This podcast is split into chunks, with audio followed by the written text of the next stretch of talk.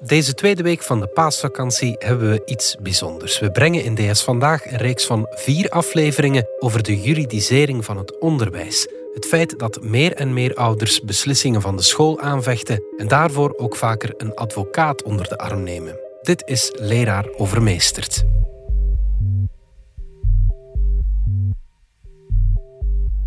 Je staat 40 jaar in het onderwijs. Dat is gigantisch lang, hè? Wat is jouw conclusie na 40 jaar? Ik zou het niet opnieuw doen. Of klinkt dat iets te negatief? Ik zou het niet opnieuw doen.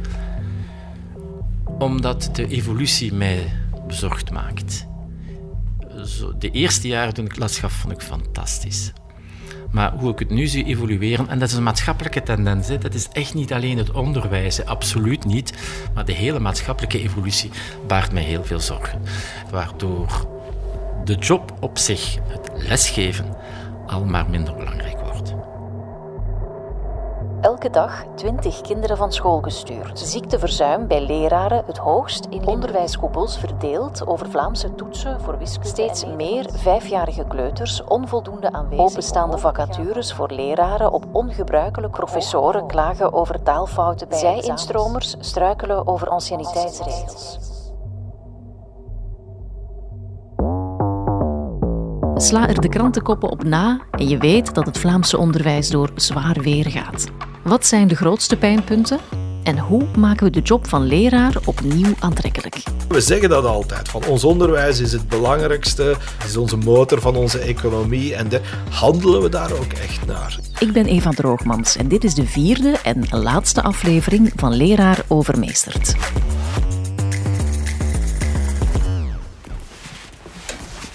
Hallo, dag mevrouw. Ik ben uh, op zoek naar Philippe Requin. Ik had een Wat afspraak. je?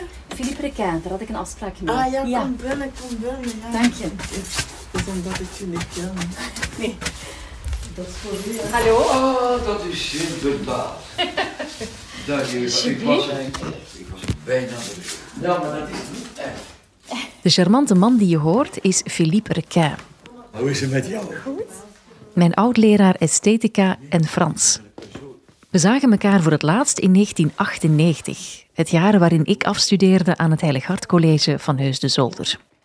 Maar op wat rimpels na is hij naar mijn gevoel amper veranderd. Mag ik Philippe eigenlijk zeggen? Alsjeblieft. Ja? Zeker. Oké, want ik heb zo de, de neiging om, Nee, nee, om nee, meneer nee. Zeker, te- zeker niet. Ik heb dat er veel liever. Philippe is 78 en dus al een hele tijd met pensioen. Maar een half jaar geleden zag ik hem plots opduiken in een krantenartikel. Philippe geeft na 22 jaar pensioen weer Frans in Heusens College. Hij stond dus terug voor de klas, wetende dat er intussen heel veel veranderd is. Zou het onderwijs hem nog evenveel bevallen als in de jaren 90? Dat wil ik graag weten.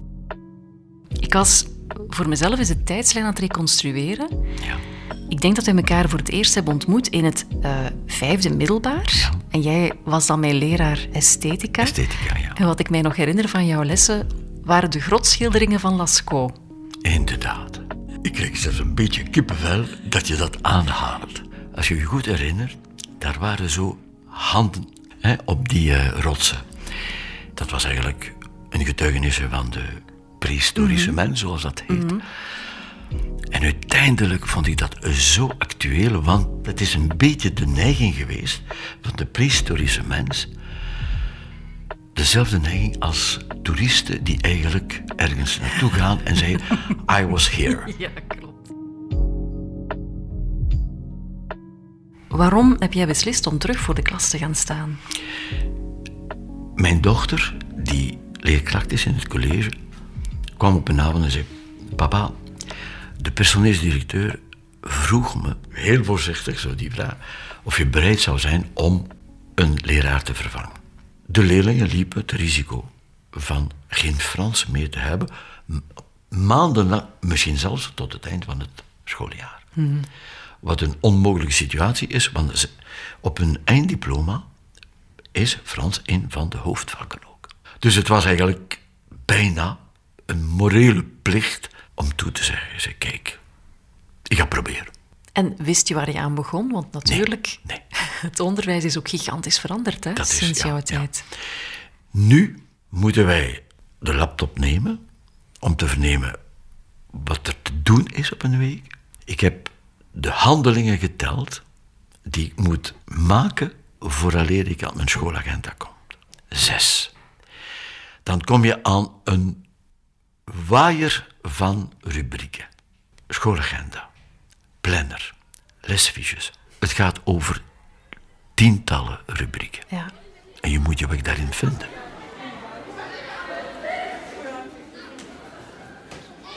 Bijvoorbeeld een examen. De leerlingen krijgen een korte tekst te lezen, dus lezen begrijpen. Compréhension à la lecture. Dan is er onder de vraag, voor de corrigerende leerkracht, een kadertje, soms met vier, vijf, zes onderdelen. Woordenschat, formulering, volgorde van de woorden, Het zijn allemaal evaluatiecriteria. evaluatie voor één vraag. Kun je inbeelden. Terwijl de leerlingen sprak, had ik soms een twintigtal criteria te beoordelen. Het klinkt alsof ehm, in het onderwijs sinds jouw tijd heel veel regels zijn bijgekomen. Ontzettend. Weet je, op bepaalde toetsen, de bladen, sommigen schreven in de bovenhoek D. Zeg, wat is dat? Ah meneer, dat is dyslexie. Ik heb de indruk, Eva, dat dat fenomeen niet bestond toen wij eigenlijk nog voor de klas stonden, vroeger. We vingen dat wel op zonder te beseffen dat er sprake was van dyslexie, dyscalculatie, wat het ook is. Dat is ontzettend complex geworden. Niet alleen Philippe worstelt met de toegenomen complexiteit van het onderwijs. Vooral jonge leerkrachten knokken om boven water te blijven. En de cijfers bevestigen dat ook. 1 op 3 startende leraren verlaat binnen de vijf jaar opnieuw het onderwijs. Ze moeten niet alleen hun vak perfect beheersen, maar ook meteen een volledige klas managen, terwijl ze zelf net van die schoolbanken af zijn. Het management in een klas van vandaag is niet hetzelfde management als 30 jaar geleden. Dit is Griet Dubois, de lerares biologie die je ook al in de vorige afleveringen hoorde.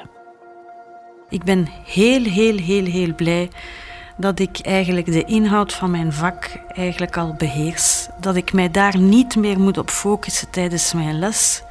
Maar ik heb ontzaglijk veel eh, bewondering voor jonge collega's die nog aan het worstelen zijn met de inhoud. En daarboven ook nog een klas van 20, 25, 28 leerlingen in het oog moet houden. Respect, ik weet niet of ik het zou kunnen. Jonge leerkrachten moeten ook vaak de gaten in het lesrooster vullen. En dat maakt hun takenpakket extra zwaar, vindt Karen de Blende. Zij is directrice van een middelbare school in Lievegem. Mensen werken super hard. Echt, die eerste jaren krijgen die jonge leerkrachten helaas ook vaak de restjes. En wat hebben die dan? Eh zeven, acht klassen. Dus die hebben dan 200 leerlingen. Die moeten heel veel verbeteren, eh, heel veel voorbereiden. Want in plaats van dat die bijvoorbeeld in drie klassen wiskunde geven, komen die dan in, ja, in zeven of acht klassen. En die hebben daar telkens één of twee uurtjes. En die moeten dat dan maar allemaal zien bol te werken. En terwijl ze al nieuw zijn. En ze moeten examens opstellen. Onderwijshervorming komt erbij. Ze kunnen niks meer gebruiken van het jaar ervoor. Moet alles opnieuw doen. Daar probeer ik toch op te letten dat hij ook al eens een groter pakket krijgt. Dat die eh, niet verdrinken in het vele werk. Ik heb hier heel veel goede leerkrachten en ik weet dat die zeker heel laat werken. En eh, dit in tegenstelling tot wat de maatschappij soms denkt. Ja, want dat denken we vaak. Dat leraren het toch maar mooi voor elkaar hebben. Met uren die 50 minuten tellen en drie maanden vakantie per jaar. Hoe zwaar kan die job zijn? In al mijn gesprekken met leraren en directies bleek dat gebrek aan respect de grootste frustratie. Ik doe mijn job heel graag en ik zou mij niet kunnen inbeelden van een andere job te doen. Eh, ik werk heel graag met jongeren en dat is eigenlijk een dankbaar publiek. Ehm, alleen merken we dat het respect soms ver weg is voor ons. Ik herinner mij een collega die in september in de eerste les de uitleg gaf welke studies die ze gedaan had. En die leerlingen zeiden: Maar mevrouw, u hebt een universitair diploma. Wat doet u hier dan op een school? Ik doe mijn job graag en ik ga hem verdorie verder doen tot aan mijn pensioen. Maar het is jammer dat er zo voor ons gedacht wordt. En bijkomend natuurlijk, iedereen maakt in zijn leven sowieso kennis met onderwijs. Sowieso. Betekent dat iedereen dus ook een mening heeft daarover. Dit is Hugo de Wulf, directeur van een middelbare school in Dilbeek. De tegenpartij, als ik het zo mag zeggen, hè, dus die, die vindt dat we te veel klagen, die zeggen het onderwijs draagt daar zelf toe bij. Ze klagen constant. En ik ben daar ook blijven bij stilstaan bij dat argument. En ik denk, daar zit een grond van waarheid in. In welke mate getuigen wij nog vanuit succeservaringen over het onderwijs? Ja. Maar daar word je niet op aangesproken. Nee, nee, dat Daar is word je dat niet op boeiend, aangesproken. Nee, dat klopt. Eh, Je hoort verhalen van mensen die verkeerd georiënteerd zijn. Dat wordt gelanceerd via de media, vooral sociale media. En dat verhaal begint een eigen leven te, eh, te leiden. Daar komen andere mensen die op die kar springen. En ik ook, en ik ook. Maar iemand die een positieve ervaring heeft met het onderwijs, die smijt dat niet op sociale media. Die zegt dat niet. De problemen in het Vlaamse onderwijs dateren niet van vandaag. De voorbije twintig jaar beten vier Vlaamse ministers hun tanden stuk op het onderwijsdossier.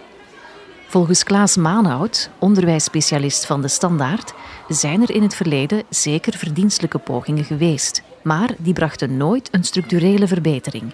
Zo wilde Hilde Krevits van CDMV dat alle leraren in het middelbaar onderwijs 22 uur per week voor de klas zouden staan. Met de middelen die daardoor vrij zouden komen, wilden ze de job leefbaarder maken. Maar Bij minister Krivits was eigenlijk de kritiek dat ze te veel dingen op de kar geladen heeft, waardoor dat de kar te zwaar werd en niet meer kon voortgetrokken worden. En uiteindelijk is daar dus geen akkoord uit gekomen. Ehm, onze huidige minister van Onderwijs, Ben Wijts, van de NVA, die heeft eigenlijk van in het begin geprobeerd om eh, niet voor één groot lerarenloopbaanpact, zoals het dan de laatste tien jaar genoemd werd, eh, te gaan, maar eigenlijk stukje per stukje te handelen. En die tactiek of die strategie noemt saucissoneren. Zo, dus als, een, Ja. als een worst, alles in kleine stukjes eh, te hakken. En een van de eerste dingen die hij dus ja, verwezenlijkt heeft, is dus ehm, ja, om startende leerkrachten sneller te laten doorstromen naar een vaste benoeming.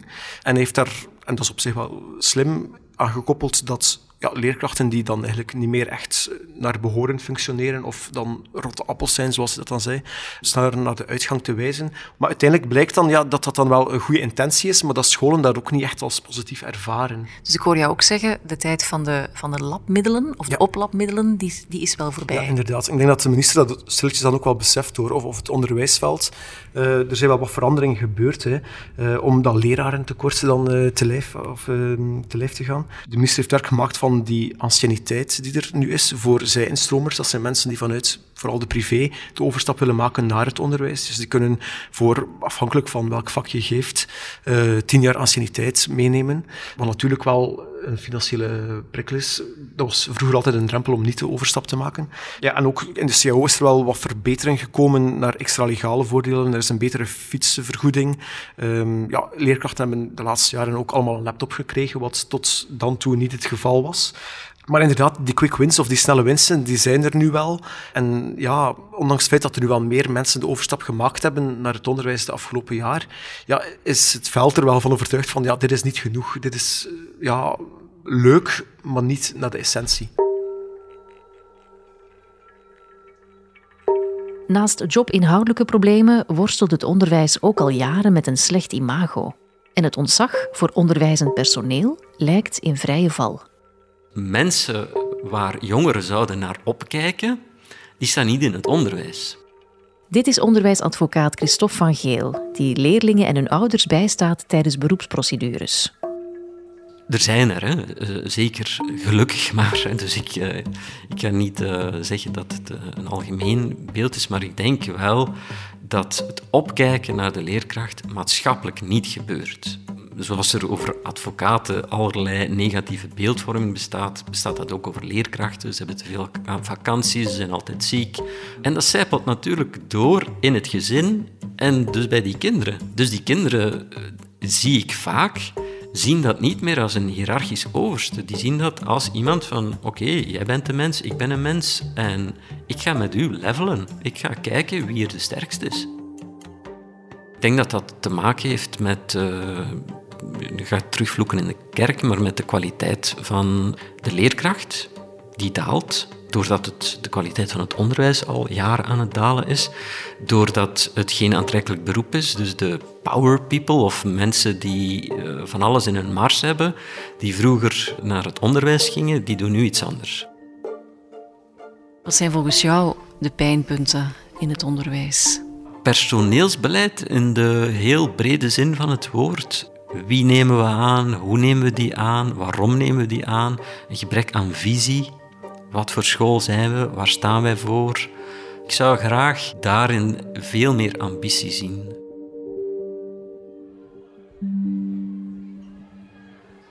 Staan er genoeg bekwame leerkrachten voor de klas in Vlaanderen? Niet alleen Christophe van Geel vraagt zich dat af, ook onderwijsexperte Sabine Lust van de UGent ziet ruimte voor verbetering probleem op dit moment is niet enkel een tekort aan leerkrachten, maar soms ook wel een beetje een tekort aan kwaliteitsvolle leerkrachten. En dat stimuleert natuurlijk ook het goede onderwijsverloop niet. Het zou de eerste keer niet zijn dat ik ook in stageverslagen zie staan van ja, eh, zoveel fouten op bord geschreven en dit en dat. Uh, is, die, is die persoon wel klaar om naar dat onderwijs te gaan? Maar goed, alles hangt met alles samen. En hoe komt het dat de sterkere leerlingen niet meer voor het beroep van leerkracht kiezen? Ja, ik moet soms al tevreden zijn met minder.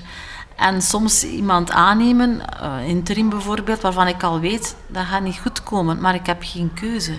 Bovendien vind ik ook dat ze niet altijd opgeleid zijn om uh, heden ten dagen voor de klas te staan. We zitten met de modernisering, ze komen dan toe en ze hebben nog niks gezien over die nieuwe leerplannen. En dan denk ik, onderwijs hinkt weer achter. Dus, en het begint allemaal ook met bekwame leerkrachten met het juiste diploma die voor de klas staan. Dus vaak moet je iemand, bijvoorbeeld iemand aannemen die wetenschappen heeft gestudeerd, die dan Frans komt geven. Die dan zegt, ik ga dat wel kunnen, maar dan weet ik al, dat gaat niet lukken. Het is niet omdat je Frans praat, dat je dat ook nog een keer kan overbrengen. Het mag duidelijk zijn, het Vlaamse onderwijs kent veel uitdagingen. En dan is de vraag, waar begin je? Als je ziet eh, wat de minister nu beslist heeft, dus hij heeft namelijk een, een commissie samengesteld, een raad der wijzen, die wordt voorgezeten door Dirk van Damme, uh, die jarenlang uh, aan de top stond van de OESO, en Paul Iperman, die jaren aan het hoofd stond van de Jesuitencolleges, um, om ja, eigenlijk van een blanco blad te herbeginnen. En je ziet wel dat de focus daar ligt op het statuut van de leerkracht om dus ja, los te komen van die vlakke loopbaan. En schoolorganisatie, dus HR-beleid eh, in het onderwijs. Omdat je daar toch merkt, en zeker als je, als je naar directeurs belt, die, die werken vaak met de beste bedoelingen, ook om die jonge leerkrachten mooie opdrachten, et cetera, te geven. Maar je ziet toch, of je voelt toch dat zij ook botsen op de, op de structuur die er nog is. En misschien ligt er bij ons als betrokken burgers ook een taak om bij te dragen aan de maatschappelijke herwaardering van ons onderwijs. We zeggen dat altijd, van ons onderwijs is het belangrijkste, het is onze motor van onze economie en de, handelen we daar ook echt naar? Ik, ik, ik weet het niet eerlijk gezegd. Dit is Bram Spruit, onderwijssocioloog aan de VUB. Kijk nu toch eens naar de, de, de, de COVID-periode. Leerkrachten hebben het grotendeels zelf moeten oplossen. Hè? Heel de samenleving heeft staan roepen. De scholen open, de scholen dicht. Uh, de ramen open, de ramen dicht. Uh, iedereen had een mening over onderwijs, maar er is maar één groep die, het, die, die eigenlijk geen andere keuze had dan, dan er simpelweg voor te gaan staan. En dat waren de leerkrachten eigenlijk. Ik vind dat we dat onderwijs ook af en toe gewoon in de steek laten als samenleving, als wetenschappers en als burgers van dit land over hoe dat we, dat we erover spreken. Hè. Elk probleem dat in de samenleving zich aandient, daarvan gaan we bijna altijd zeggen van en dit zou nu toch moeten opgelost worden in de school. Hoe zie jij de toekomst van ons onderwijs de komende jaren? Ons onderwijs is een vrij en, en onderwijssystemen toekoor zijn logge systemen. Dus je moet niet op korte termijn uh, grote veranderingen verwachten. Een aantal dingen gaan simpelweg verbeteren. Hè. Bijvoorbeeld het lerarentekort dat we nu hebben is ten dele het gevolg van een puur demografisch fenomeen. Een wat grotere cohorte leerlingen die eerst door het basisonderwijs, nu in het secundair onderwijs, schrijf al maar op tussen dit en drie jaar krijg je enorme capaciteitsproblemen in ons hoger onderwijs. Dat, dat kan niet anders. Hè. Je ziet ook natuurlijk met uh, de uitstroom van, van de babyboom-generatie onder de leerkrachten. En dat gaat natuurlijk langzaamaan wel verbeteren. Hè. Dus de, dat, dat, um, maar voor het, voor het overige, ja, uh, zal het belangrijk zijn om, om aan de slag te gaan, maar vooral ook wel in dialoog met die sector. Ik geloof echt niet in die procedures. We gaan vanuit de zijlijn dingen, dingen roepen en we gaan via top-down beslissingen proberen die sector in beweging te, te zetten, want dat werkt niet. Hè. We, we weten dat ook. Hè, van leerkrachten die zich niet gewaardeerd voelen, die sluiten zich af. En die luisteren, die luisteren niet naar niet-leerkrachten. Die, die, die hebben zoiets van, wel ja, als je het zoveel beter weet, kom het maar doen. Hè. En je komt toch niet, dat weten die leerkrachten dan ook. En het is dat, op dat punt natuurlijk dat je, dat je, dat je veel verliest. Hè. Je hebt dan een egelstelling ja, leerkrachten hebben er wel degelijk bij te winnen om zich open te stellen, om continu te blijven bijleren en ontwikkelen. Maar als we gaan blijven zeggen hoe dramatisch het gesteld is met ons onderwijs en, en we gaan hen niet meer aanreiken en we gaan op momenten van crisis, ik denk aan COVID, hen nog eens duidelijk maken van je staat er helemaal alleen voor en, en los het maar op, ja, dan gaat het moeilijk worden. Sinds december vorig jaar werkt een onafhankelijke commissie van wijzen in de luwte aan een nieuwe blauwdruk voor het Vlaamse onderwijs. Voorzitter Dirk van Damme probeert met de hulp van 19 andere experten te doen wat voorgaande ministers niet is gelukt: een modern school- en personeelsbeleid uitdenken. Eind dit jaar komt de commissie terug boven water. En journalist Klaas Maanhout is alvast benieuwd naar het resultaat. De bedoeling is dat ze eind dit jaar een soort van ja, rapport voorleggen. En dat zal waarschijnlijk wel als startpunt, uh, of, of het startpunt zijn van de volgende onderhandelingen van de Vlaamse regering. Ik ben er op zich wel positief over, omdat er heel veel bekwame mensen in zitten. Dat is altijd dat is een hoopgevend. goede start. um, ja, en dan is natuurlijk nog maar de vraag, wat, wat zal het onderwijsveld er dan uiteindelijk van vinden? Als de vakbonden zeggen van, dit is voor ons echt niet één brug, maar zeven bruggen te ver. Ja, dan, dan is de kans wel groot dat het misschien toch gewoon een rapport wordt dat ergens in de lade van een minister zal belanden. En dat is altijd het gevaar met zo'n rapporten. Wat, wat als ze eruit zullen meenemen. Hè? Als ze zullen cherrypicken en een paar kleine maatregelen eruit pikken zonder eigenlijk echt aan de structuur te komen, ja, dat, dat lost natuurlijk niet veel op op lange termijn. Dus dat is wel een gevaar dat er ook in schuilt. Uh, ja.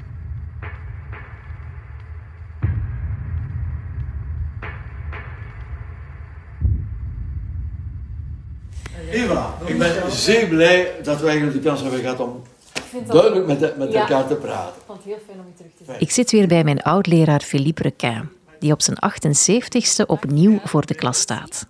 Met een rugzak vol levenservaring lepelt hij zijn leerlingen de liefde voor de Franse taal in. Weliswaar op een andere manier dan hij dat vroeger deed. Want veranderingen van deze orde hou je niet in je eentje tegen. Ik kon mij permitteren als leraar Frans een paar lessen te geven door gewoon Jacques Brel te laten horen. Dat kan ik me nu niet permitteren. Ik heb daar nog de tijd, nog de ruimte voor.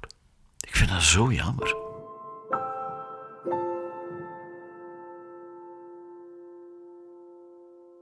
Er is een liedje van Jacques Brel, dat is Mon père disait.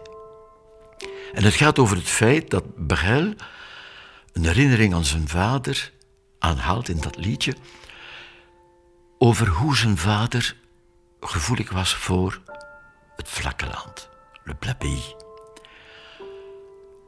le vent qui tourne autour des tours de Bruges. Dat is een van zijn zinnen. Het belangrijkste was niet op dat moment aan de leerling zei: nu gaan we een les vocabulaire hebben. Maar de emotie die in dat liedje van Brel was, ik durf te hopen dat zijn ze niet vergeten.